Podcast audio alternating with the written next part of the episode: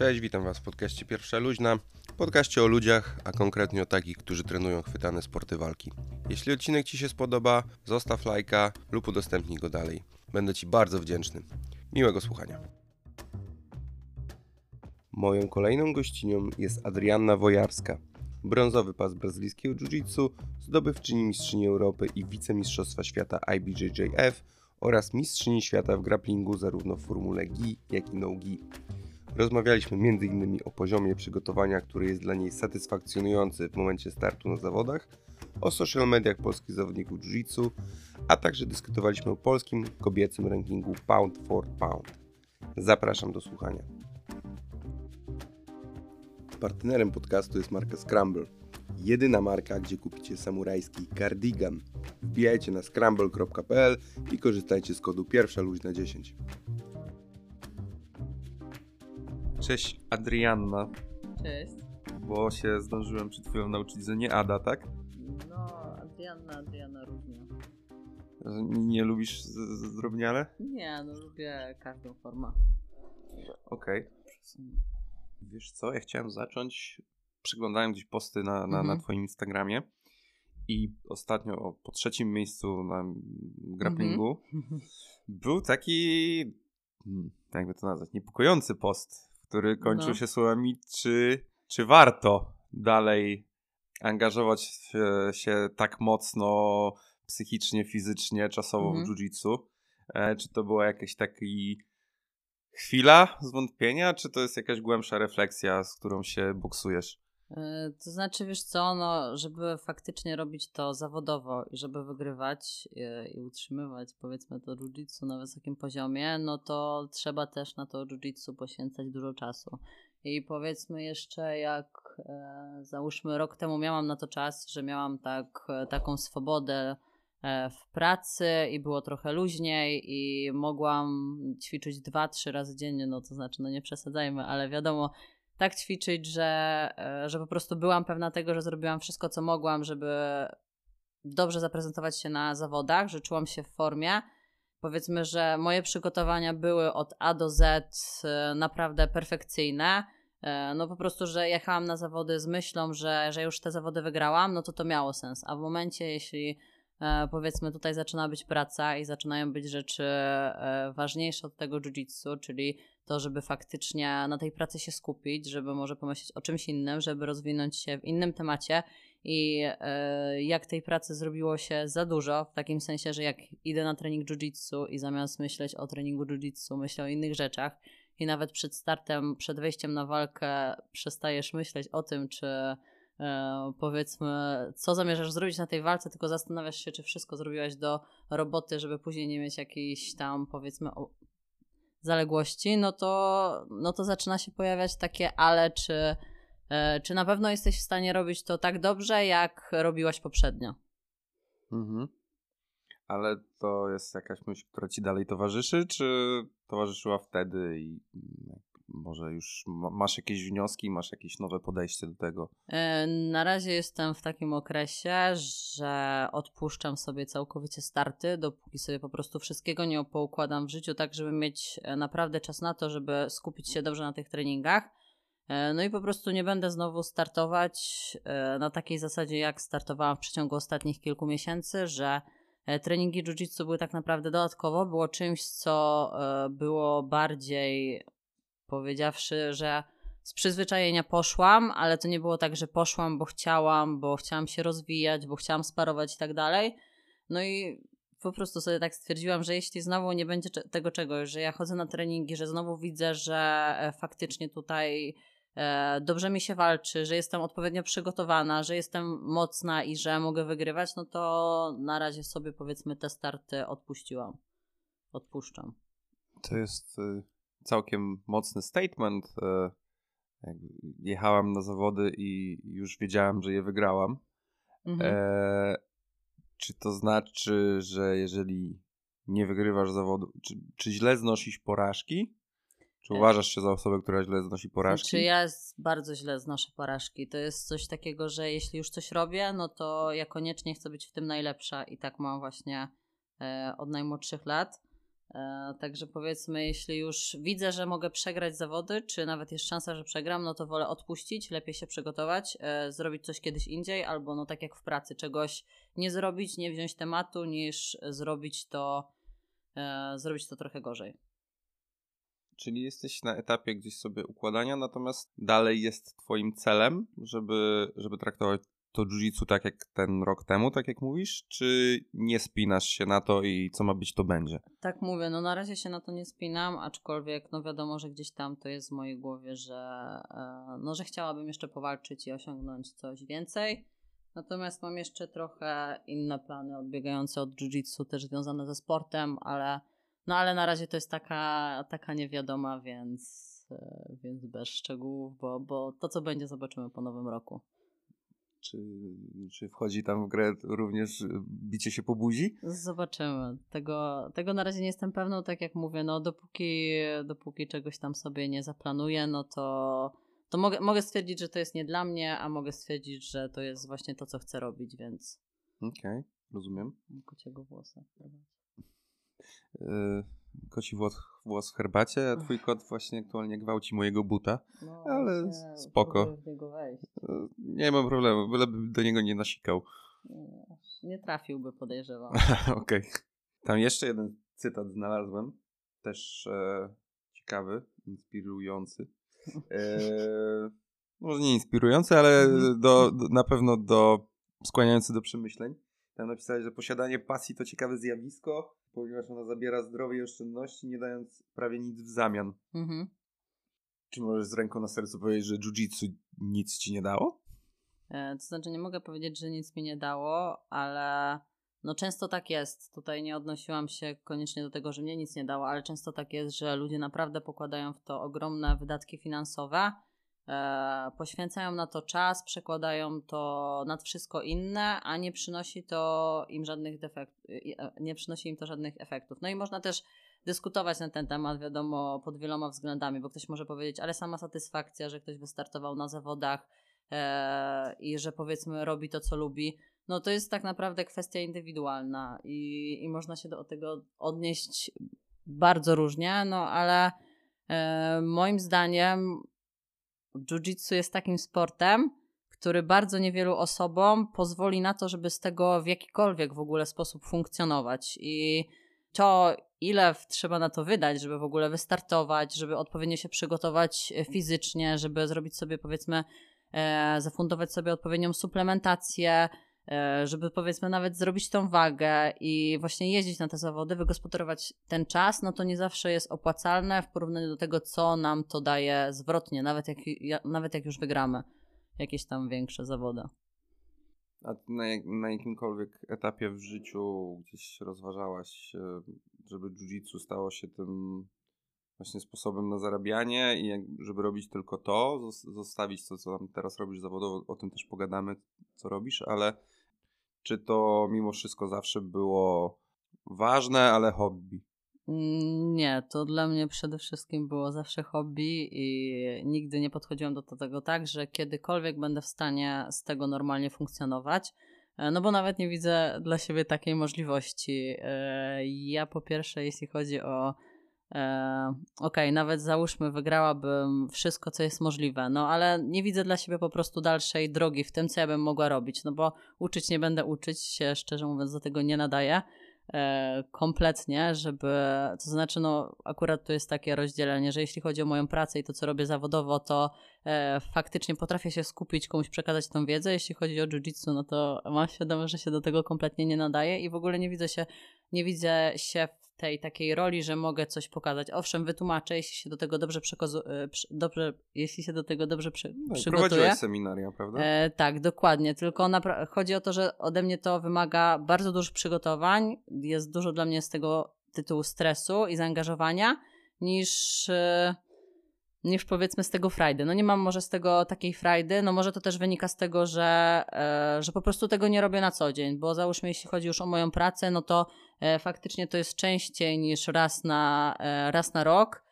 Przekazuję swoją wiedzę powiedzmy cyklicznie, mam w tym dużo większe doświadczenie. No jeśli chodzi o jiu-jitsu, no to jest takie, że na razie wolałabym się uczyć i tak dalej, niż nie widzę, nie widzę po prostu, co mogłabym z tego kiedykolwiek wyciągnąć Mhm. e, dzięki temu, że powiedzmy ja coś osiągnę. Mhm. Takie masło maślane mi wyszło z tej wypowiedzi. E, ale wiesz, jeśli chodzi o uczenie innych, znaczy fajnie, że masz taki samoświadomy do tego stosunek, bo faktycznie nie każdy się nadaje na trenera i jest pełno historii zawodników e, naprawdę na bardzo wysokim poziomie, którzy, którzy no, nie sprawdzali się, w roli trenera. Ja mam, mam takie, znam, znam takie przypadki z osobistych doświadczeń i, i historie gdzieś tam ze światowych map. No podobno Roger Gracie wybitnym trenerem Mhm. nie jest. Natomiast to, co się przewija gdzieś, jak rozmawiam z ludźmi, którzy prowadzą treningi, i to i czarnymi pasami, i, i purpurowymi pasami, że jednak prowadzenie zajęć bardzo też ci otwiera oczy na Mhm. jiu-jitsu, bo żeby komuś wytłumaczyć technikę, samemu troszkę bardziej ją przemyśleć i często albo ktoś zada pytanie, na które w życiu byś nie wpadła. I to jest jakiś tam plus y, prowadzenia zajęć, no ale też mówię, no kawomat.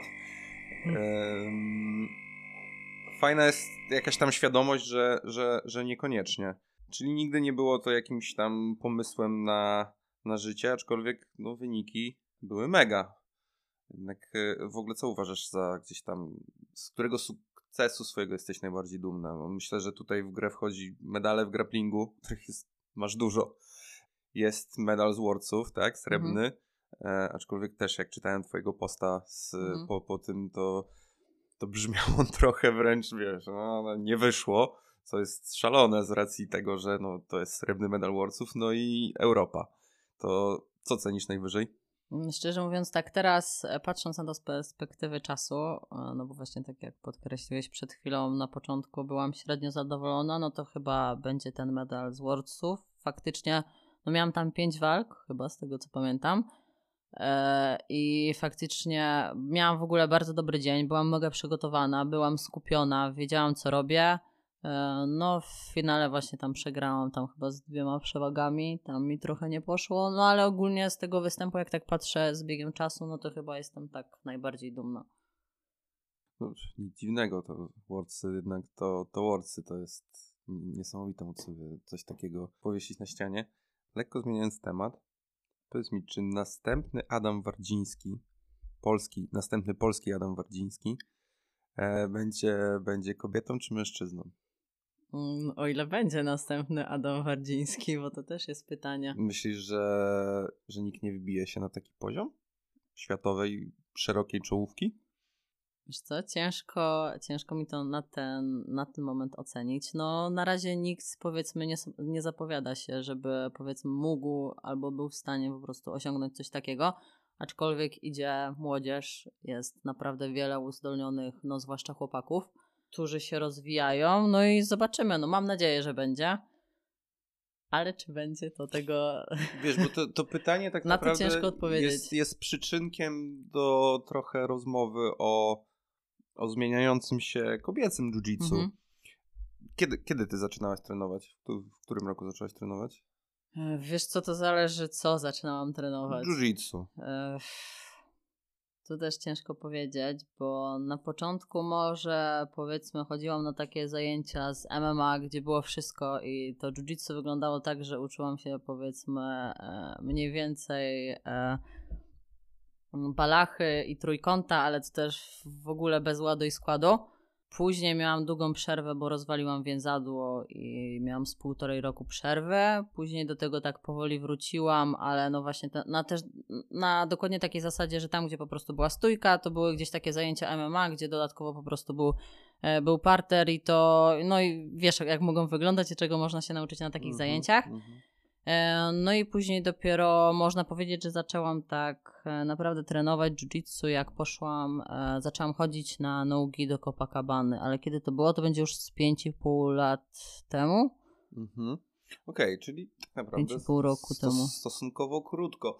Bo to też jakby pytam, bo zastanawiam się, czy ty jak zaczynałaś, jak się już wkręciłaś e, w jiu-jitsu, to w takim klimacie, gdzie tych kobiet mimo wszystko jest garstka, to Mhm. są raczej takie kobiety o specyficznym trochę podejściu, charakterze, psychice, którym nie przeszkadza taki trochę siermiężny klimat, Mhm. męskie towarzystwo i są właśnie takie mocne psychicznie.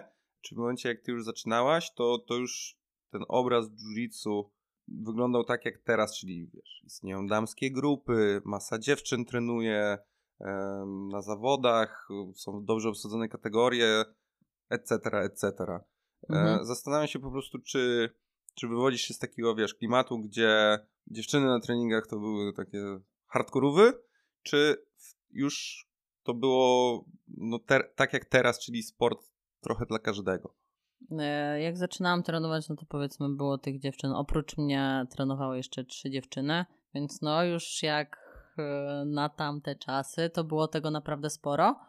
E, Wcześniej jeszcze właśnie jak trenowałam e, powiedzmy coś w stylu stójki czy, czy jakiegoś takiego MMA, no to faktycznie tam nie było dziewczyny żadnej. E, Dopiero właśnie jak zaczęłam trenować typowe jiu-jitsu, no to, no to tych dziewczyn już zaczęło tam trochę być. No i wraz, wiadomo, z latami jest tego coraz więcej, no ale na początku to był taki etap, że naprawdę to były dziewczyny, które e, to du- jiu-jitsu robiły, które już w tym jakiś czas siedziały. Jak myślisz, czy, czy ktoś, dzie- dziewczyna, która chciałaby się na przykład tobą inspirować, osiągać e, wyniki, sukcesy, potraktować jiu-jitsu e, poważnie, mm, oczywiście jakby powinna sparować e, z kobietami, natomiast jak, jaki, jak to się powinno rozkładać? Czy, czy ty jakby mając swoją dzisiejszą wiedzę i projektując Mhm. swoją ścieżkę w rozwoju w jiu-jitsu, stawiałabyś na sparingi z mężczyznami i, i treningi tego typu, czy, czy, czy, czy więcej właśnie takiego stricte walki, no ostatecznie później na zawodach idziesz i z mężczyznami się nie bijesz, tylko z dziewczynami, które ruszają się trochę inaczej, walczą Mhm. inaczej. Znaczy na samym początku właśnie walczyłam tylko i wyłącznie z chłopakami, no właśnie z tego względu też, że e, dziewczyny były ode mnie dużo słabsze fizycznie i jak walczyłam z większością dziewczyn, które spotykałam, no to po prostu starałam się im nic nie zrobić i tak wyglądała walka. No teraz jest coraz więcej mocniejszych dziewczyn, z którymi faktycznie można mocniej porobić i faktycznie to później może dać efekt. No bo wiadomo, że dziewczyna jest trochę inaczej zbudowana. To, że powiedzmy komuś się wyciągnie, e, jeśli powiedzmy na treningu wyciągniesz e, chłopakowi nawet w podobnej wadze do ciebie taktarowa, później e, jedziesz na zawody i dziewczyna ma trochę, no niektó- powiedzmy większość dziewczyn ma trochę inną plastykę tych, tych stóp i okazuje się, że tego taktarowa nie da się wyciągnąć większości dziewczyn, no bo po prostu one tak podobnie jak ja układają nogi, że, że w ogóle tego taktarowa nie czują, więc to zależy, więc na tym etapie fajnie jest posparować z mocnymi dziewczynami, bo mamy sporo mocnych dziewczyn e, teraz w Polsce, no bo to się może faktycznie przełożyć na to, co spotykamy na zawodach, a nie tylko koniecznie z chłopakami. No właśnie, i teraz wracając do, bo może teraz to moje pytanie Mhm. o tego nowego Wardzińskiego jest trochę jaśniejsze, nie? Czy, ja- jak, jak czujesz, nie? Czy, czy właśnie to jest ten moment, że, że i Kobieta pewnie, na i pewnie pewno- rozmawiamy tu właśnie o takich osobach, które nie są w tej chwili jakieś Mhm. znane, nie? Tylko, tylko są jakimiś może teraz niebieskimi pasami, e, ale czy, czy właśnie to jest taki moment, że, że może łatwiej właśnie będzie dziewczynie No to miałam powiedzieć, na... że dziewczynie na pewno byłoby łatwiej. Mhm. Chociaż no dziewczyny są teraz naprawdę mocne na tym już najwyższym poziomie. No teraz e, nie chcę teraz przekręcić imienia. Nie pamiętam, przepraszam, imienia, ale e, Czaban na nazwisko. e, Z, chyba z, z Wrocławia, też, też chyba zawodniczka MMA amatorska. e, Zrobiła, e, wygrała, wygrała Worldsy e, nogi w niebieskich pasach, więc fajny wynik.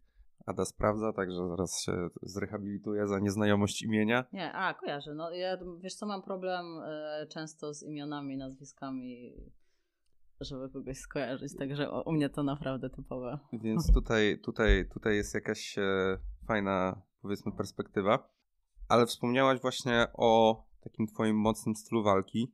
To też jest taka, wydaje mi się, rzecz charakterystyczna dla ciebie. Ja muszę powiedzieć, że chyba pierwszy, chyba pierwszy raz od tobie usłyszałem e, rok temu na Mistrzostwach Polski. Em, walczyłaś finał Open z moją koleżanką dobrą Olą Mhm. Warczak. I no Ola jest mega dobra i ja naprawdę bardzo mi się z nią ciężko walczy, a tam no w tym finale to no wjechałaś po prostu mega mocno. I tak sobie obserwowałem, gdzieś, gdzieś już wcześniej na tych zawodach się widziałem, ktoś mi tam o tobie powiedział i tak dalej. Zacząłem sobie patrzeć i faktycznie twój styl walki jest taki nietypowy dla Mhm. dziewczyn, zwłaszcza y, też no, jesteś raczej z niższych kategorii wagowych, czy tam tych środkowych. I tak jak dziewczyny, mam wrażenie, że więcej lubią walczyć gardą, wykorzystują bardzo swoją gibkość elastyczną. No jak ja zobaczyłem, jak ty wjeżdżasz w cross deni, to byłem w szoku. Masz jakąś teorię albo skąd wynika właśnie taki twój styl walki, bardzo mocny, fizyczny. Nie mówię, że nie jesteś techniczna oczywiście, Mhm. ale, ale jakby widać, widać, że po prostu zupełnie inne podejście do fizyki niż, niż większość tych dziewczyn, które ja gdzieś widuję. Mm, To znaczy, wiesz co, to jest takie podejście w Polsce. Yy, Najpierw zacznę od tego, powiedzmy od tej fizyki, Yy, bo też yy, na zawodach polskich faktycznie czuję tą przewagę siłową nad dziewczynami.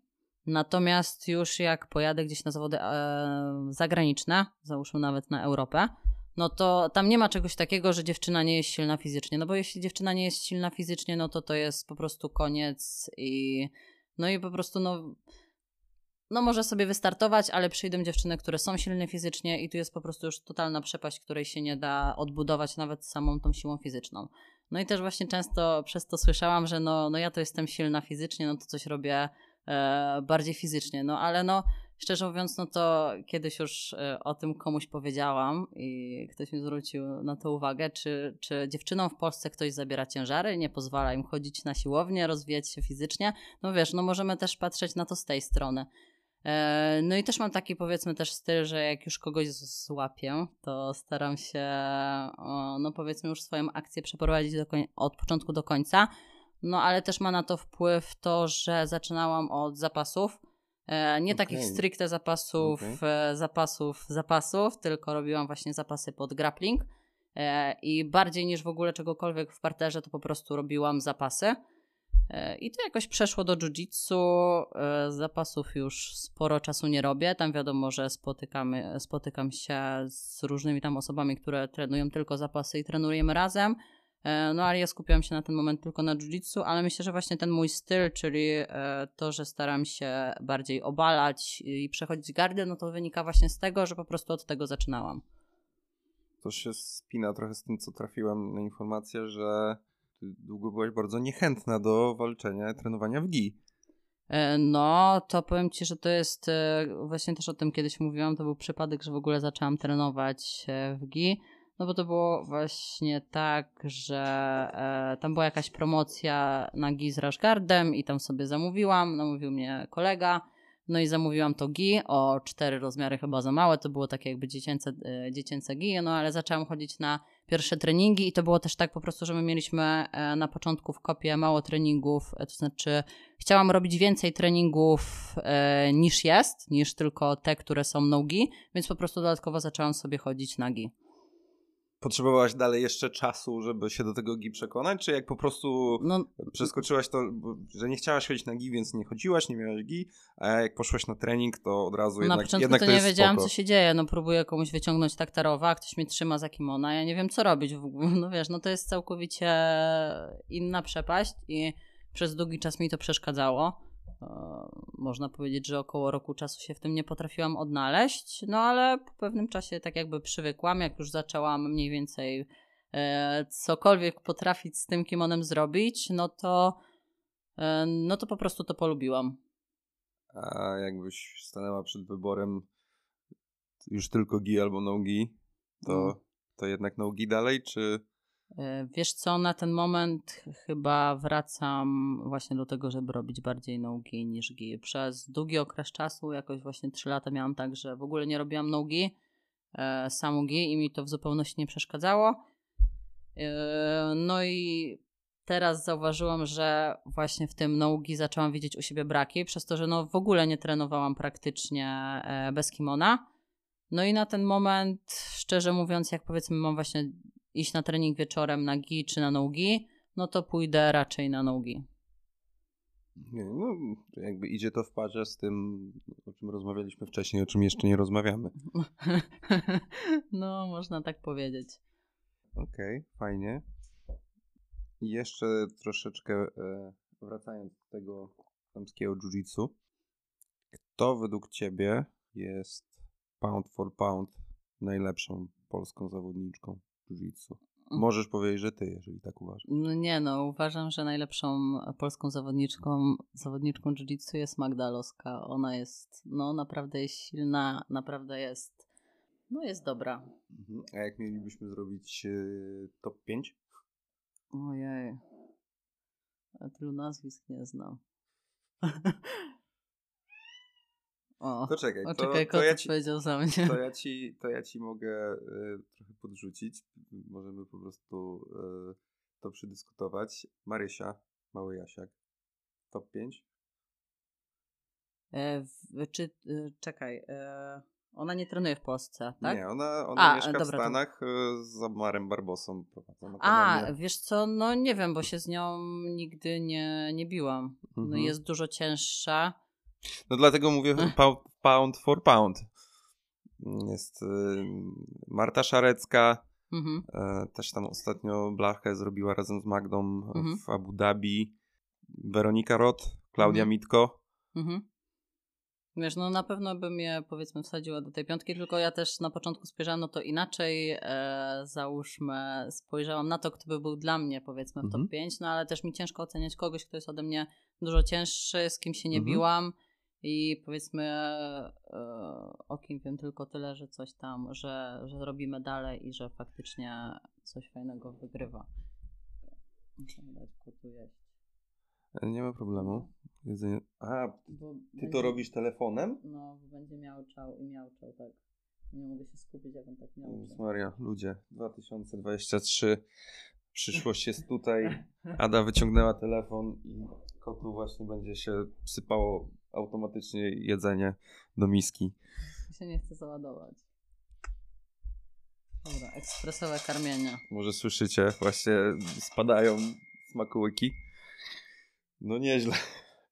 A rozumiem, że to też stosujesz będąc poza domem. Tak, no właśnie po to to kupiliśmy, że załóżmy wyjeżdżamy gdzieś na jeden dzień, to nie martwimy się o to, że nasze kotki nie będą miały co jeść, Mhm. tylko e, tam jest też kamera Mhm. i można obserwować, czy koty mają posiłek i w ogóle widać e, jest kamery. Wow. Można też do nich mówić. Wow, ale kamera jest y, tylko w tym miejscu. Czy, E. czy macie jeszcze jakąś nianię To elektroniczną znaczy do nie, kotów? no widać mniej więcej tutaj i na drzwi, bo to jest taka szerokokątna. O kurde. Ja, ja ostatnio, e, znaczy też właśnie jakąś taką nianię elektroniczną, bo mój pies jest, jest wspaniały, aczkolwiek ma lęk separacyjny i od, Mhm. odcyndala jakieś rzeczy, jak zostaje sam w domu. Znaczy szczeka głównie, nie, nie że coś niszczy, szczeka głównie. No i wydawało się, że jest wszystko w, w porządku. Jak był taki okres, że z, z moją Anią oboje poszliśmy do biura, a, Mhm. a nie, że ktoś miał zdalną. No i zaczęliśmy go zostawiać, tam pytać sąsiadów, czy on szczeka, czy nie szczeka. Sąsiedzi mówili, że nie, no, że trochę tam szczeka rano, a, ale później przestaje. Wydawało się, że wszystko w porządku i po miesiącu zapukała Straż Miejska do nas, Mhm. że ktoś zadzwonił, że pies nie daje żyć i tak dalej. Przeszliśmy się po wszystkich sąsiadach. Nikt się nie przyznał. Hmm. Także trochę słabo. No to chodzi z nami wszędzie. Ale właśnie myślałem o tym, że może zainstalować jakąś kamerę właśnie z mikrofonem i Mhm. mu zawołać, że uspokój się. No, zobaczymy, może, mo, mo, może, może to w końcu zrobię, bo to tak naprawdę kwestia wyklikania na Mhm. Allegro. Eee, dobra, koty, ko, koty nas ro, rozstroiły. No to tak, no to jak już e, powiedzmy mam czas, żeby się sekundę zastanowić, Mhm. E, no to wiadomo, że do tej piątki właśnie możemy, wło- e, możemy wsadzić, włożyć, możemy Mhm. zaliczyć. Możemy zaliczyć właśnie Magdę, Klaudię, na pewno Marysię, e, Martę. I, I? I teraz jest miejsce, żebyś powiedziała, że siebie. O, Zofię. Zosia, tak. I tak jak ci mówię, pewnie gdybyś mi powiedział, to bym, to by, to bym sobie przypomniała, a tak to... Mhm. Nie no, myślę, że, że tutaj, e, tutaj e, na pewno wymieniliśmy topkę. E, Kwestia tego, jakby kto je ułożył w jakiej kolejności, ale Ciężko tak naprawdę to... to wiem, że nie będziesz chciała są- tego zrobić, więc nie będę Bo to cię są cisnął. różne, różne kategorie wagowe, tak? Więc no, no nie można tego tak jakby wrzucić do jednego worka. No jasne, ale no, no właśnie taka, taka jest specyfika właśnie rankingu Power for Pants. On zawsze wywołuje kontrowersje Mhm. i kłótnie, ale no wiesz, jakby rozmawianie o ulubionym sporcie to jest po prostu fajne, no jakby ostatecznie nikt się nie pokłóci chyba z tego powodu. Hmm.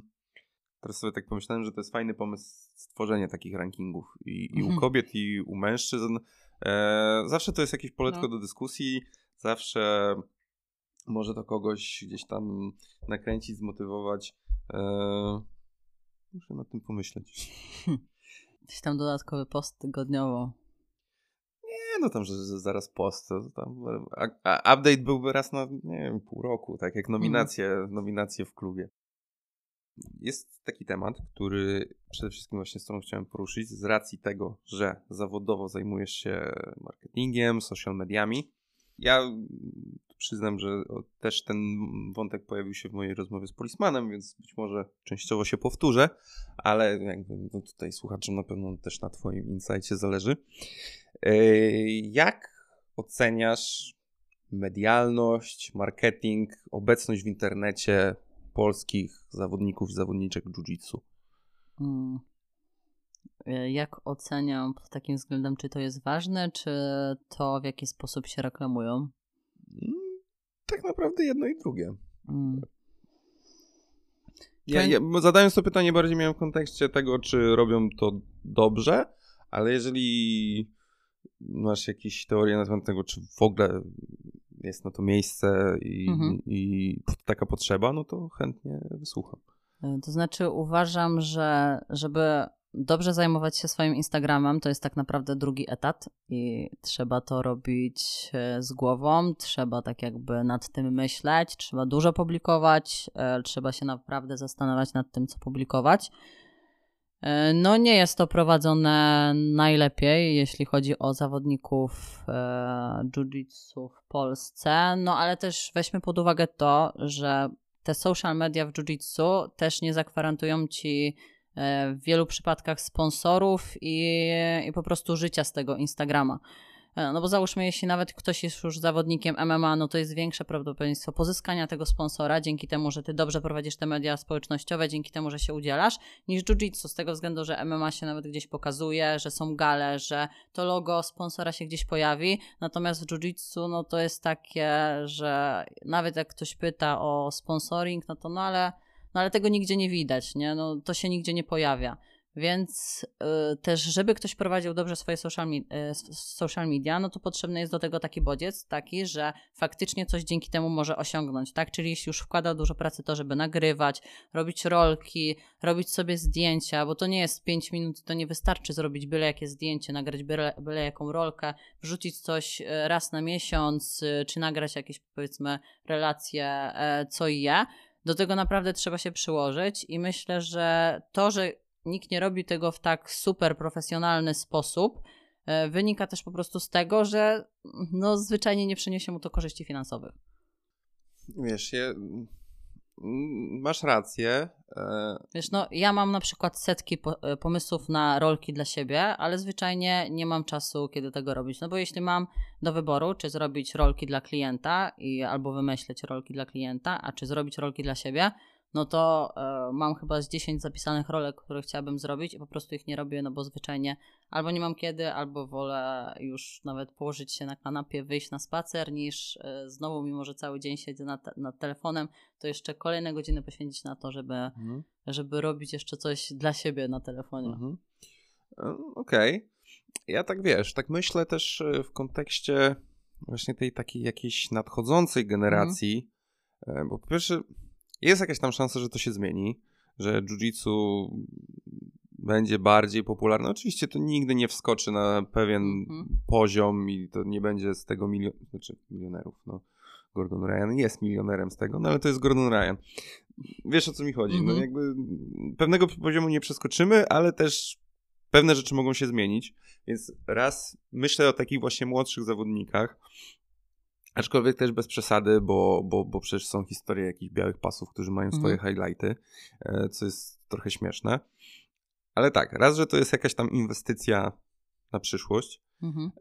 A dwa, no faktycznie, no jakby sponsorów i takich bezpośrednich pieniędzy to ciężko, ale no myślę, że możesz trochę zrekompensować y, swój poziom wyniki fajnym prowadzeniem swoich social mediów, co może się przełożyć na na przykład też seminaria, Mhm. e, na które cię zaproszą, czy właśnie jakieś e, super fighty na Mhm. jakichś galach graplerskich. Mówię, mówiłem to właśnie z Polismanem, ale mam taki właśnie bardzo krytyczny stosunek i parę już osób moich znajomych, którzy, którzy walczą na wysokim poziomie, próbowałem namawiać do, do pewnych zmian, no bo bardzo ciężko się czegoś sztampowe. Bardzo prowadzenie profili przez tych naszych zawodników jest sztampowe i nawet moim zdaniem Adam Wardziński mógłby naprawdę mm, wyciągnąć z tego więcej. Ja już właśnie podawałem taki przykład, że on zawsze wrzuca zdjęcie, bardzo ładne wrzuca zdjęcia. To akurat on ma, ma to całkiem jakoś tam, jest to chyba w jakiś stopniu Mhm. przemyślane i, i na tle wielu innych y, profili i tak wygląda nieźle, ale no jedzie, robi, a on robi na przykład od razu 3-4 blachy. Byłem na zawodach, zdobyłem medale, pozdrawiam. No i nic się z tego nie dowiadujemy, żeby on no, opisał jakąś jedną walkę. Taką walkę stoczyłem, wygrałem tak i tak, zastosowałem taką i taką technikę i to wynika z tego i tego, jakiekolwiek swoją refleksję, to, to już jakby jest w chuj ciekawsze. Mhm. I tak sobie myślę, że gdyby też jest na przykład przykład e, Kasper Formela, zawodnik MMA, mistrz Fenu w wadze piórkowej. Tutaj też od nas, e, no można powiedzieć, że z Trójmiasta, trenuje w Mighty Bulls. I on do tego podchodzi mega poważnie. Teraz no, on jest mistrzem Fenu i w ogóle rozpoznawalnym zawodnikiem, ale jak był takim młodym, zdolnym dopiero, to on już to tak robił porządnie, że dron, że vlogi, Mhm. E, I myślę, że mu to mega pomogło. Mało kto e, dostarcza taki, taki content. On super, że podparł to wynikami Mhm. sportowymi, ale od razu się wyróżniał. I ja po prostu mega czekam na, na kogoś. Naprawdę, wystarczy coś napisać, nagrać wideo z, na gorąco z własnymi przemyśleniami. Zastan- Zastanawiam się, czy ty jakby się ewentualnie z tym zgodzisz, albo możesz faktycznie, że no, no nie ma takiej potrzeby, bo tak jak mówisz, nie wiem, nic ci to nie da, nic ci to nie pomoże. Mm, Wiesz co, no i to jest też kwestia, e, że najpierw trzeba sobie zadać pytanie, kto i do czego miałoby to, miałoby być to potrzebne.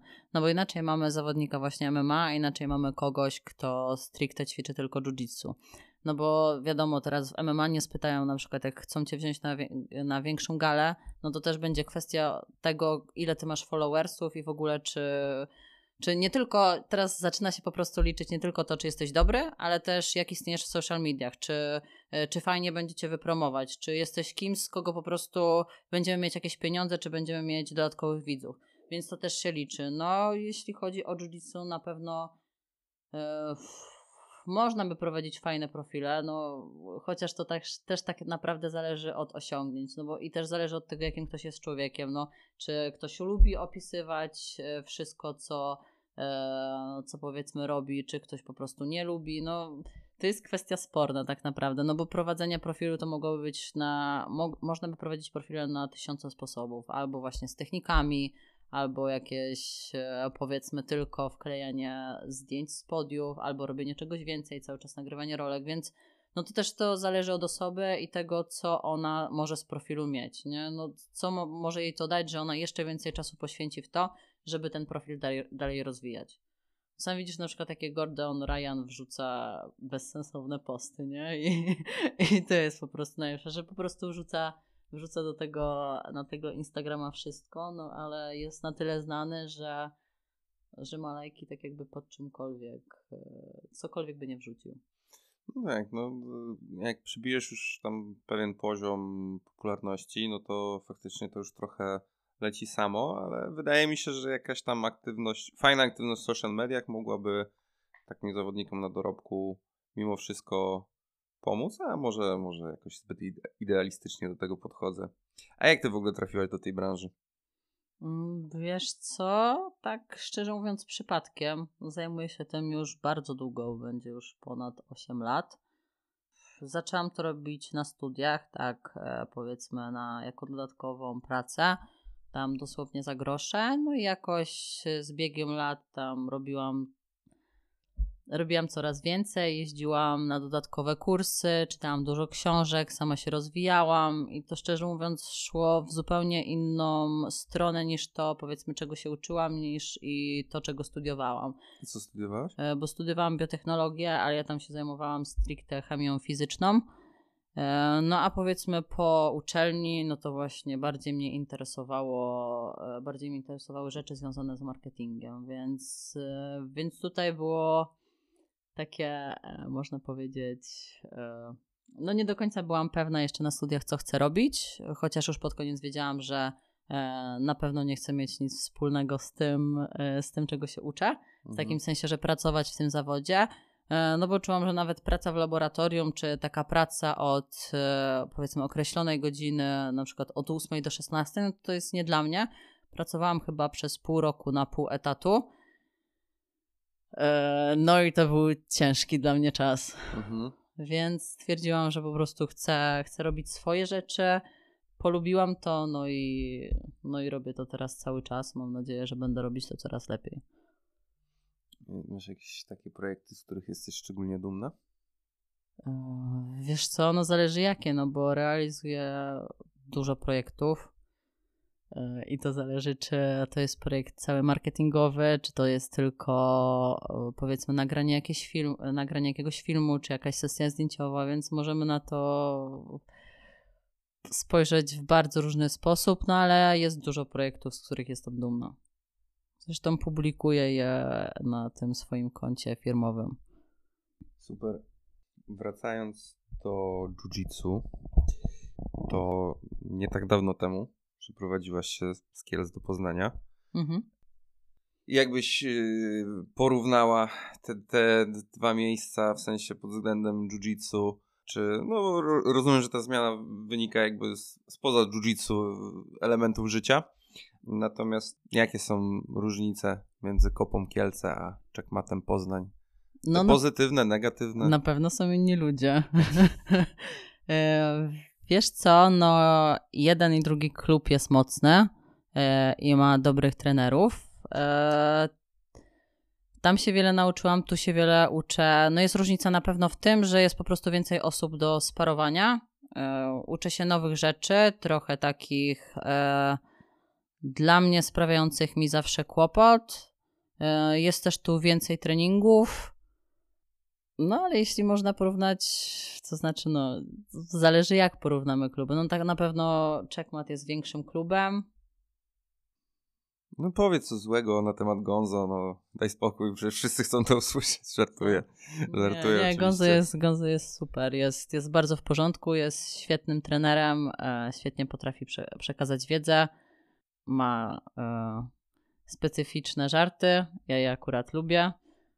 No tak wiadomo, no to są dwa zupełnie inne kluby, zupełnie inna atmosfera, ale wszędzie, na, to znaczy w obu klubach jiu-jitsu jest na wysokim poziomie. No jeżeli teraz byś pojechała na zawody, to reprezentowałabyś? E, to znaczy no już reprezentuję checkmat okay. E, na zawodach. Czyli taka stała, stała zmiana. No już, już raczej do Kielc nie wrócę. Kielce to jest jedno z takich polskich miast, które no, sporo o nim krąży takich stereotypów, niekoniecznie pozytywnych. Hmm.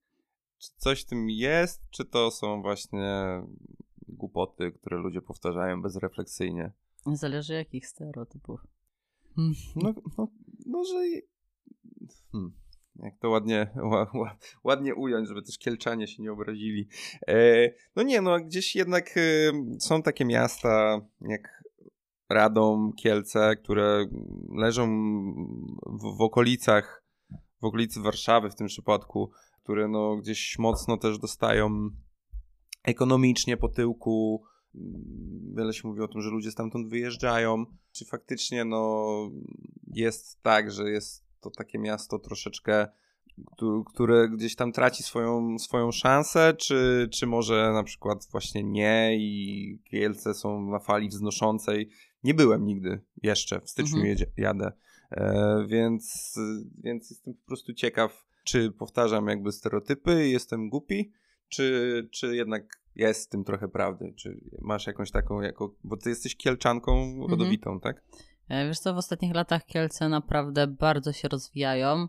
E, Ja tam, mi się tam bardzo dobrze mieszkało. Można powiedzieć, że różni się to na pewno tym, że Kielce są mniejsze, czyli jak e, powiedzmy po... Teraz wracam do Kielc i widzę, że na drugi, miast, na drugi koniec miasta ja dojeżdżam w 20 minut, no to mówię, o kurde, zaraz, jak ja mam dużo czasu, ile więcej mogę zrobić. Ale pod takim względem mm, nawet tego, co znajduje się w Kielcach, no to no to powiedzmy tam niczego mi nie brakowało. Więc no to niekoniecznie jest tak, że, że ludzie stamtąd ucie, e, uciekają. Mhm. Jest, powiedzmy, stawia się coraz wię- więcej rzeczy, coraz więcej apartamentowców. Można nawet porównać to, że ceny za mieszkania są identyczne jak e, w Poznaniu, O, e, więc to jest po prostu najlepsze. No i ja Kielce ogólnie oceniam bardzo pozytywnie. No nie wiem, co więcej powiedzieć na ten temat. no ale powiedziałeś, że do Kielc już raczej nie wrócisz. Znaczy, no nie wrócę z tego względu, że potrzebowałam chyba jakiejś odmiany, potrzebowałam czegoś nowego. Ta, powiedzmy, decyzja gdzieś kiedyś wykiełkowała w mojej głowie, żeby się przeprowadzić. E, I zauważyłam, że u mnie jest tak, że jak coś mi wykiełkuje, i na początku to uznałam tak, że ja to sobie powiedziałam, ale to się nigdy nie zrealizuje, no bo, bo w ogóle to było. To, żebym ja się przeprowadziła, to było po prostu aż niemożliwe do zrealizowania. Wtedy, kiedy ja sobie to zamyślił, e, wtedy, kiedy ja sobie to wymyśliłam. I szczerze mówiąc, nie wiem, jak się to stało, że tu trafiłam. Obudziłaś się, obudziłaś się Obudziłaś rano się. i byłaś już w Poznaniu. Do, dokładnie. A to jest takie pytanie, które w sumie jakoś tak częst, często do niego nawracam w wielu z tych dotychczasowych rozmowach, ale wydaje mi się, że, że jest takie też du, dużo, du, dużo mówi, jakbyś em, obudziłaś się, obudziłaś się rano i byłaś w Poznaniu, jakbyś miała się obudzić jutro rano i być za granicą, to gdzie? Mm, Wiesz co, no nie wiem, bo strasznie najpierw trzeba było się było zastanowić, jak przetransportować kotę. Nie no, a tak, e, a tak poważnie, no to, to na, na razie bym o tym szczerze mówiąc nie myślała, bo na razie jestem w miejscu, w którym chcę być i na razie nie myślę o dalszych wyjazdach. E, zwłaszcza, że mam sporo zobowiązań. No ale gdybym miała się przenieść kiedykolwiek pod względem jiu-jitsu, to, e, to na razie zostałabym tutaj. E, a pod względem takim życiowym kiedyś, kiedyś, no to może Włochy. Okej. No, wiesz, szkółka w jiu-jitsu w małym włoskim miasteczku mm, brzmi jak całkiem dobry pomysł na polską komedię romantyczną. Znaczy, Mm. niekoniecznie polską. Nie, no ciężko mi odpowiedzieć na to pytanie, no bo szczerze mówiąc dopiero zmieniłam całe swoje życie. Mhm. E, I raczej nie myślę o następnym wyjeździe, nawet, e, nawet nie rozmyślam, gdzie bym chciała, kiedy, kiedy się przenieść.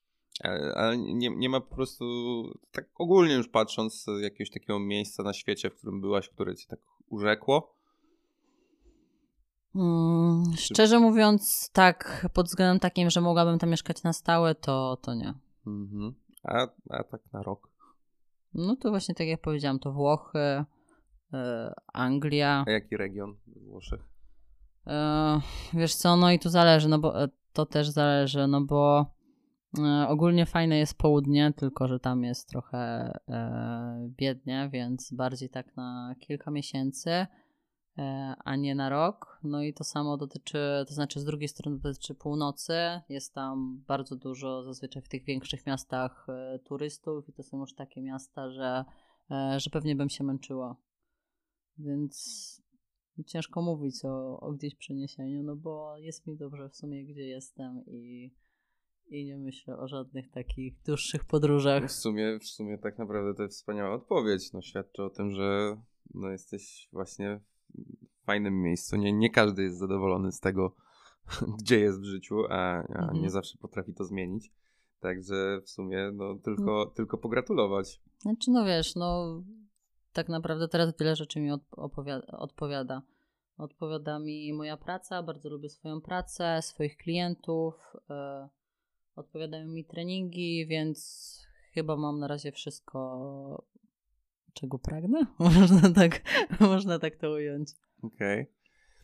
A słuchaj, a jest jakaś taka rzecz związana z jiu-jitsu, która mm, gdzieś, nie wiem, może mocno wpłynęła na twoje postrzeganie tego sportu? Mm, w sensie mam na myśli, nie wiem, może jakiś, jakiś film, jakąś książkę, tak jak no, teraz no, przed chwilą mm -hmm. Barton opowiadał o, o książce Ricksona, że bardzo mu się podobała.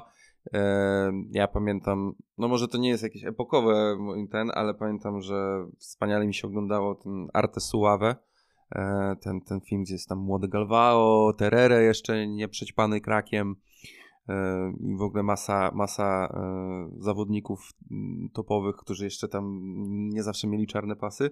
Masz jakiś taki piece, piece of art, content związany z jiu-jitsu, który mogłabyś po prostu polecić komuś, kto nie zna? Mm, szczerze mówiąc, to nie. Zupełnie nie.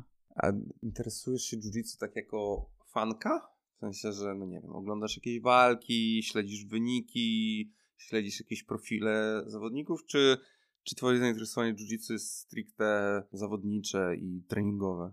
Mm, no i to jest najlepsze, że nie. I to nie wynika z tego faktu, że mnie to nie interesuje, e, tylko z tego, że zupełnie nie mam czasu. To znaczy, poświęcam e, tyle czasu na swojej pracy, że, e, że częściej już przyłapuję się na tym, że e, zamiast rozwijać właśnie swoje pasje, czy interesować się właśnie w tych dziedzinach, no to zajmuję się rzeczami związanymi z pracą i nowościami, e, które dotyczą mojej pracy.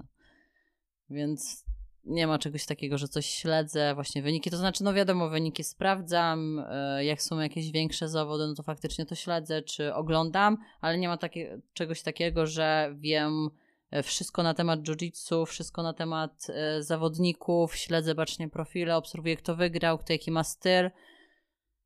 No zwyczajnie tego nie robię. Nawet jak e, załóżmy mam jakieś rywalki na walkach, no zazwyczaj ich w ogóle nie sprawdzam, bo zazwyczaj najgorzej jest jak, jak je sprawdzę i sobie już wkręcę, że, że ktoś jest mocny i, i z nim nie wygram.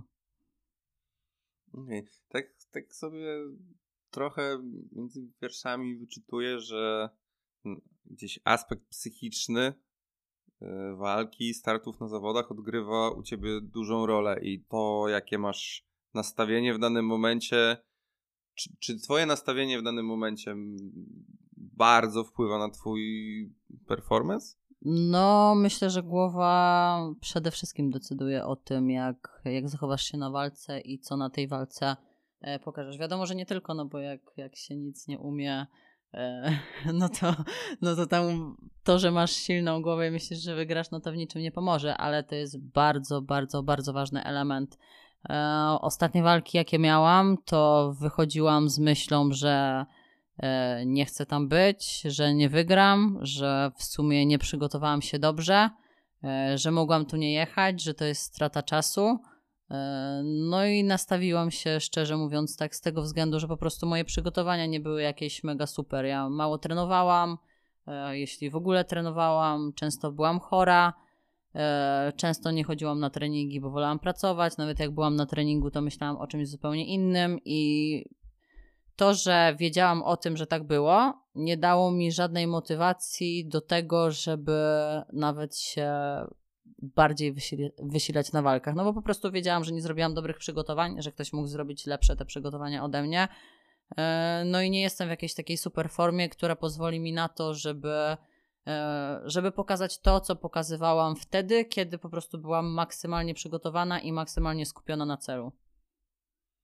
No rozumiem, że to jest też ten taki mechanizm, który, który miał miejsce gdzieś na tych ostatnich mistrzostwach w grapplingu tylko że to brzmi, wiesz, jakbyś jakąś wielką porażkę odniosła, a ty tam zrobiłeś brązowy medal?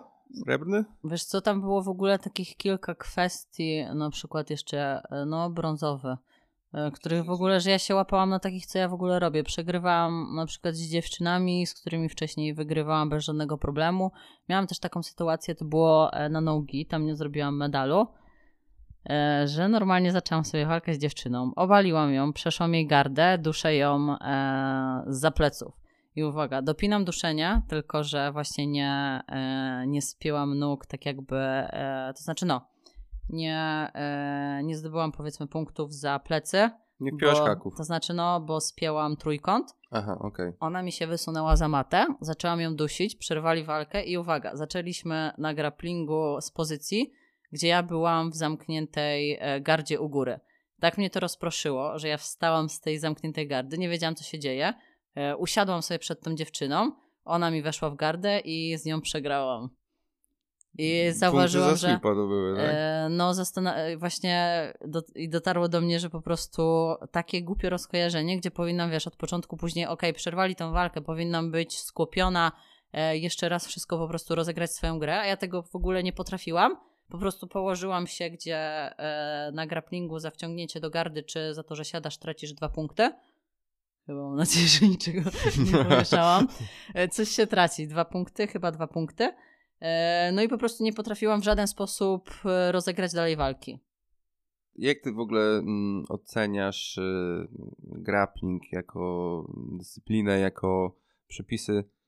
Odpowiadają ci te przepisy? Myślisz, że, że to jest. w- no bo jakby wiadomo, że takim przewijającym się tematem Mhm. jiu-jitsu jest to, że ono jest y, nieefektowne, ciężkie do oglądania.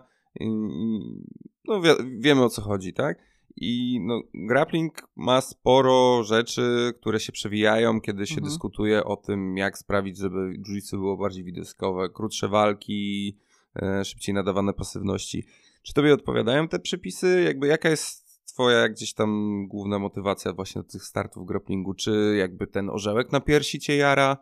E, Wiesz co, ogólnie na początku mi bardzo odpowiadały te przepisy, z tego względu, że po prostu tam nie można siadać, czyli mogę sobie e, pochodzić w stójce, mogę sobie poobalać. Nie ma tak, że zaczynamy walkę jak to na typowych ABJF-ach, że po prostu przybijamy piątkę e, z jakąś lachą, ona siada i, i w sumie to jest cała, cała walka w stójce. E, To było właśnie fajne to, że po prostu dziewczyny nie siadają, tylko można, można się z nimi poobalać. E, dlatego na początku mi te przepisy odpowiadały bardzo, no ale właśnie jak zaczęło dochodzić na przykład na ostatnim grapplingu do takich sytuacji, że właśnie już duszę lachę z pleców e, i nagle jest przerwana walka, mimo że wiesz, ona tak chamsko ucieka za matę, wysuwa się, gdzie no nie wiem, no powinna przynajmniej dostać dyskwę, no nie wiem, cokolwiek. I zaczynamy z tego, że ja jestem w zamkniętej gardzie, no to nagle tak te przepisy zastanawiasz się, czy to aby na pewno jest takie A to kwestia przepisów czy sędziów i E, interpretacji nie, przepisów? bo to jest tak, że tak jakby jeśli ktoś ucieka za matę, to zaczynasz z ostatniej punktowanej pozycji, albo jeśli nie było żadnej pozycji, to sędzia wybiera pozycję, z której wy zaczynacie. Okej, a byłaś za plecami, ale był trójkąt, Ale nie a nie haki. wpiętych haków, tylko trójkąt. Mhm. No to dużo w sumie gdzieś tu pozostawia do interpretacji dla sędziego. Wiesz, no pewnie, pewnie da się poprawić jeszcze te przepisy, ale myślisz, że to jest gdzieś tam w dobrą stronę krok? W ogóle przy... przejmujesz się tym, czy, czy uważasz, że w ogóle takie przepisy tego jiu-jitsu kla- klasycznego są ok i w ogóle tam... Wiesz co, przez pierwsze ogólnie trzy lata to ja walczyłam nie znając żadnych przepisów e, e, w jiu-jitsu, więc jeśli chodzi e, tak samo jak pojechałam pierwszy raz na grappling, to w ogóle nie wiedziałam co się dzieje, za co dostaję punkty. Były nawet takie sytuacje, że tam do mnie krzyczeli powiedzmy, żebym czegoś nie robiła, bo bym dostała dyskwę, tego nawet nie wiedziałam. No bo szczerze mówiąc nawet nie wiedziałam, że pojadę na te zawody. Szczerze mówiąc, jeśli miałabym oceniać te przepisy, to na pewno jest coś innego. I nie wiem, czy to jest złe, może, może właśnie niekoniecznie, z tego względu, że po prostu gdyby były takie same przepisy, no to by się to tak naprawdę niczym nie różniło. No tutaj musimy się trochę wysilić, e, zmienić swoją grę. e, No i tak naprawdę do tego dostosować. No jeśli ktoś naprawdę tego nie lubi i, i nie chce się do tego dostosować i ma na to narzekać, no to, no to nie musi w tym brać udziału. Mhm. Preferujesz y, krótszy czas walk, czy no te, teraz jesteś brązem, no to masz ósemki, tak? Czy, czy w przyszłości będziesz miała dziesiątki? Jakby, bo jest, są zawodnicy, którzy no po prostu uważają, że to jest spoko, że daje czas zbudować akcję, gdzieś tam kapitalizować jakieś błędy rywala. Mm, No, ale są też zawodnicy, którzy sami chętnie by ten czas skrócili na zasadzie po prostu wiem, że to jest za długo, wiem, że to jest za muła. Ty Mm. raczej, raczej do której opcji byś się skłaniała? Dla mnie jest to bez różnicy. Bez różnicy. Tak, mogę się bić 10 minut, mogę się bić 5 minut i tutaj nie ma żadnej, nie, to znaczy nie zmienię swojej gry e, przez to, czyli będę walczyć tak samo walcząc 10 minut i będę walczyć tak samo, jeśli Mhm. mamy 5-minutową rundę. A jakbyś miał mieć walkę no time limit, only submission, to już byś troszeczkę gdzieś taktycznie No to do bym tego się podeszła? starała poddać jak najszybciej. No ale szczerze mówiąc, mam takie założenie przy każdej walce. Mhm. Więc nie podchodziłabym do tego jakoś taktycznie, że 10 minut sobie chodzimy w stójce i próbujemy się obalić. Po prostu robiłabym swoje. Okej, rozumiem. A jak jest poddanie, które sprawia ci najwięcej satysfakcji? Ja mam taką teorię, znaczy, no to nie jest teoria, że zawsze miło kogoś poddać, ale są pewne poddania, które po prostu poziom satysfakcji jest wyższy. Jakby jak odpalę kogoś trójkątem, To nie, to jara coś, mnie to bardziej niż jak kimurą. Jak coś pęknie albo się złamie. No, ża- Żartuję, oczywiście. E, wiesz co, tak naprawdę no, no każde poddanie tak naprawdę jest, jest fajne. Ja akurat mam tak, że zawsze gdzieś, gdzieś widzę tą rękę, to znaczy mam mam intuicyjnie coś takiego, że jak ktoś tylko zostawi rękę, to od razu wskakuje po balachę. Czy to wyjdzie, czy nie, e, to, to ciężko to zatrzymać, ale nie mam czegoś takiego, że jakieś, poda- e, jakieś poddanie sprawiłoby mi e, dużo większą satysfakcję. No chyba, że faktycznie jakieś byłoby fenomenalne, którego nie robię, no to wiadomo, też, też często właśnie mam taką sytuację na sparingach, że widzę, że kogoś mogę poddać balachom, ale mówię, kurde, no ile ja mogę robić tych balach, chciałabym poddać czymś innym. No i na przykład odpuszczam całkowicie tą balachę i szukam jakiegokolwiek innego poddania, żeby znowu nie poddawać tylko i wyłącznie tą balachą. Więc to jest też ta różnica, że na pewno satysfakcja jest wię- większa, jak zrobisz coś nieoczekiwanego, yy, nagle takie poddanie, które, którego w ogóle nie robisz, niż jak robisz w kółko, w kółko to samo. Mhm. A na, na, na ile programujesz swój trening na zasadzie, że, wiesz, że przychodzisz na trening z jakimś bardzo konkretnym planem, że robię te pozycje, te poddania, albo walczę w taki i taki sposób? Czy tak bardziej go with the flow, czy, czy masz to jakoś tak um, usystematyzowane? Wiesz co, i to jest mój największy problem, że nie mam tego w żaden sposób usystematyzowanego. E, Czyli po prostu przychodzę i robię to, co robię, i po prostu czasami nastawiam się na sparingach na przykład tak, że walczę tylko z dołu, żeby nie walczyć e, tylko z góry, albo na przykład, że no właśnie tak jak Ci powiedziałam przed chwilą, że nie poddaję e, załóżmy balachom, tylko Mhm. szukam czegoś innego. Ale nie mam na przykład tak, że ok, dzisiaj na sparingach będę poddawała tylko trójkątem. Raczej to jest właśnie w tą kwestię, że e, jak nie walczę z kimś, e, z kim faktycznie muszę dać siebie e, bardzo dużo, żeby po prostu nie leżeć e, przygnieciona, no to zazwyczaj staram się układać w takich niekomfortowych pozycjach, czyli po prostu łapę chwyty, których nie mam dobrze opanowanych, czy po prostu walczę takimi gardami, które niekoniecznie mi wychodzą na zawodach, to znaczy no, którymi niekoniecznie walczyłabym na zawodach, no po to, żeby się też w tym kierunku rozwijać. A jest coś, co myślisz, że robisz inaczej niż wszyscy w kwestiach treningowych? No bo wiesz, tak gadamy, masz nie za dużo czasu na trening w tej chwili, e, jakoś tego nie systematyzujesz i tak dalej, no a jesteś no, topową zawodniczką. Czy kiedyś gdzieś analizowałaś, co sprawia, że właśnie jesteś tak, tak dobra? Co jest taką twoją silną stroną, która nie, nie mówię o jakiejś konkretnej technice czy czymś takim, tylko być może, wiem, że nie możesz tego wiedzieć, bo nie wiesz kto jak dokładnie trenuje, ale być może potencjalnie może cię wyróżniać i jakby dawać ci przewagę. Nie, nie tylko jakby w walce na zawodach, ale też w treningu, w rozwoju. Mm, To znaczy, wiesz co, no nie, nie powiedziałabym, że jestem jakoś e, niesamowicie e, dobra. E, też mam troszkę, no zacznijmy od tego, że mam trochę inny styl walki, e, że raczej walczę tak, że się w kogoś e, próbuję od razu, żeby nie powiedzieć brzydko, no próbuję w kogoś, można powiedzieć, wjechać, to znaczy próbuję od razu narzucić swój styl walki. O, o, dużo pięk- ładniej, pięknie. dużo, dużo ładniej to brzmi. No i na pewno szczerze mówiąc, no właśnie miałam kilka takich teraz miesięcy całkowicie roztrenowanych. Natomiast jak jestem w takim skupieniu e, treningowym, no to trenuję bardzo dużo, daję z siebie wszystko na sparingach, e, trenuję ciężko, oprócz tego e, też przykładam się fizycznie, czyli oprócz treningu jiu-jitsu rozpisuję sobie, załóżmy, rozpisuję, czy po prostu robię cały harmonogram na siłowni, czyli dbam o to, żeby robić siłę, dbam o to, żeby robić kondycję również na siłowni, żeby robić stacje, no żeby też nie tylko E, załóżmy bazować na tym, że ciągle robię sparingi jiu-jitsu i technikę jiu-jitsu, no ale wiadomo, że trzeba też wzmacniać inne partie ciała.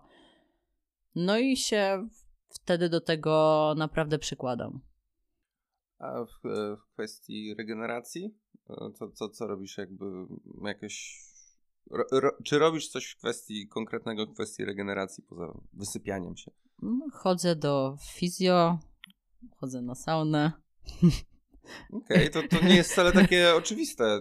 Jakby wiele osób, y, wiesz, no, trenuje, potem coś tam boli, albo mają gorsze treningi, ale niewiele z tym robi. No, takie chodzenie na saunę, niby wszyscy wiedzą, ale nie każdy potrafi się zmotywować, nie, to... powiedzieć sobie, że to naprawdę ma sens. Nie, to wiesz co, bez kilka startów to w ogóle by się nie udało właśnie bez e, mojego fizjo, tylko on jest właśnie akurat w Kielcach bo szczerze mówiąc, właśnie jak jestem w takim rytmie startowym i treningowym, na przykład wtedy, kiedy właśnie była Europa z, z, e, z grapplingu, później, chyba później, później chyba było to AJP, Grand Slam, miałam całkowicie rozwalone kolano, także ja po centralnie e, no, po walkach musiałam sobie przykładać lód, a między powiedzmy tam finałami a, e, a tymi kwalifikacjami wyciągałam sobie krew z kolana.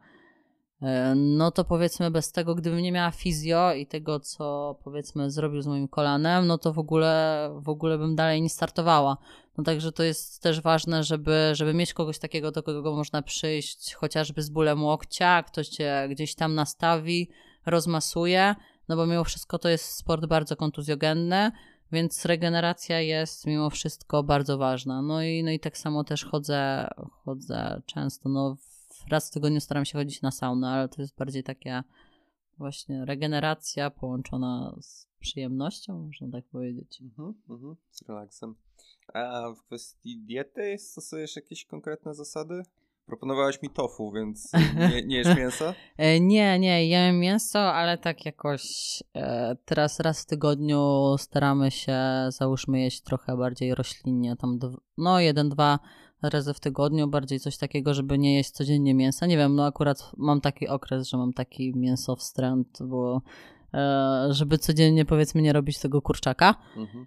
No tak to ogólnie na codziennie zdrowo, także że załóżmy, no jem tak, jakbym trzymała dietę, no ale wiadomo, że jeśli jest ten okres roztrenowania, no to będzie taki dzień w tygodniu, że zamówimy pizzę, czy wyjdziemy gdzieś zjeść na miasto, czy, e, czy tam zjem sobie gniazdko, czy jakieś tam słodycze. Mm, gniazdko, uwielbiam gniazdko.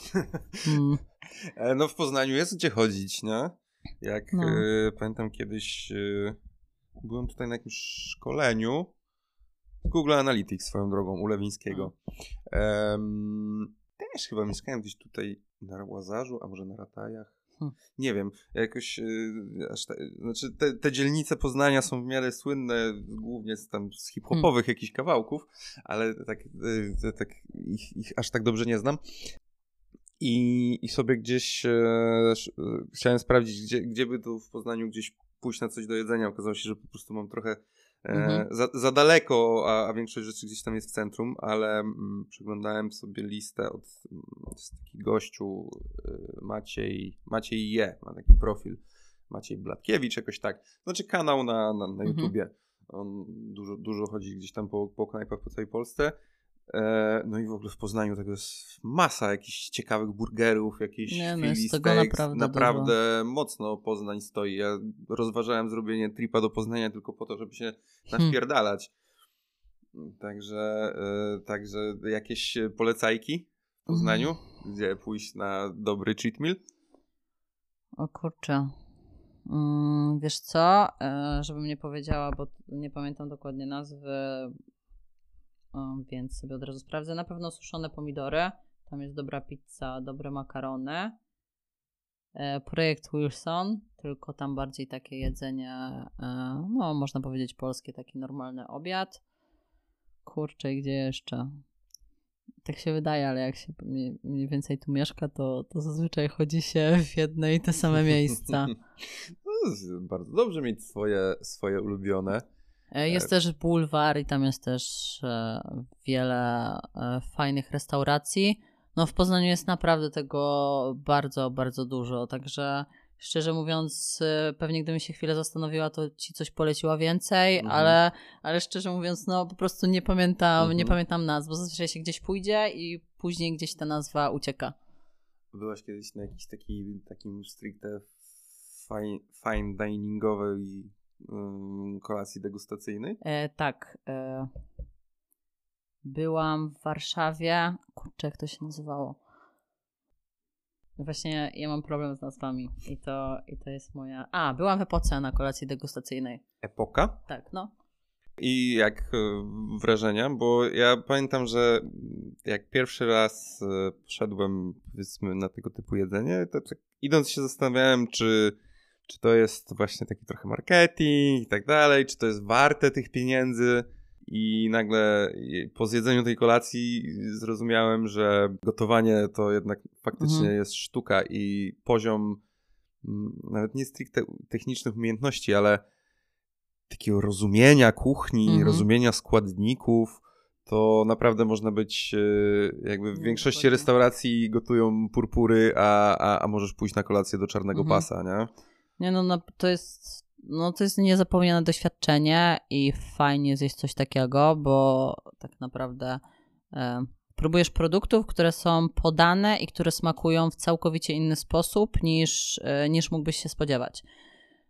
No szczerze mówiąc, no ja do, do jedzenia też podchodzę trochę inaczej, no bo zazwyczaj też e, jem po prostu tak, żeby zrobić coś na szybko, przygotować na następny dzień, bo zwyczajnie nie mam czasu gotować jakichś wyszukanych, e, wyszukanych posiłków, więc zazwyczaj po prostu jem to samo i modyfikuję. Ale tak to lubię dobrze zjeść i gdzieś wyjść, gdzie podają fajne jedzonko. Też dużo współpracowałam właśnie, jeśli chodzi o social media z restauracjami i można powiedzieć, że wiem jak to wygląda od kuchni i naprawdę trzeba się na tym znać, żeby żeby ugotować coś e, pysznego, dobrze wyglądającego i fenomenalnie smakującego. No, jest, e, świat jest pełen biznesów e, ludzi, którzy myśleli, że to, że lubią jeść, to znaczy, że mogą równie dobrze prowadzić knajpę. Nie, no tak, tak nie jest. To powiedzmy, żaden marketing nie pomoże, jeśli jedzenie jest niedobre, e, albo jeśli coś nie gra z chociażby załogą czy, e, czy obsługą w restauracji. Mhm. To się zgadzam, jak najbardziej. E, słuchaj, ja będę się trzymał konsekwentnie swojego pytania do wszystkich gości. Jakby nie Tak było krytykowane, e, możesz stoczyć, znaczy masz okazję stoczyć walkę na dowolnych zasadach z osobą nie z fighterem, z kimś powszechnie znanym. Motywacja to jest twój wybór, czy po prostu fajnie by było z kimś hangout i, i potrenować, czy tak jak mówiłem już właśnie przy rozmowie z Bartonem, większość osób idzie w to, że komu bym chciał spuścić w pierdol, bo go nie lubię.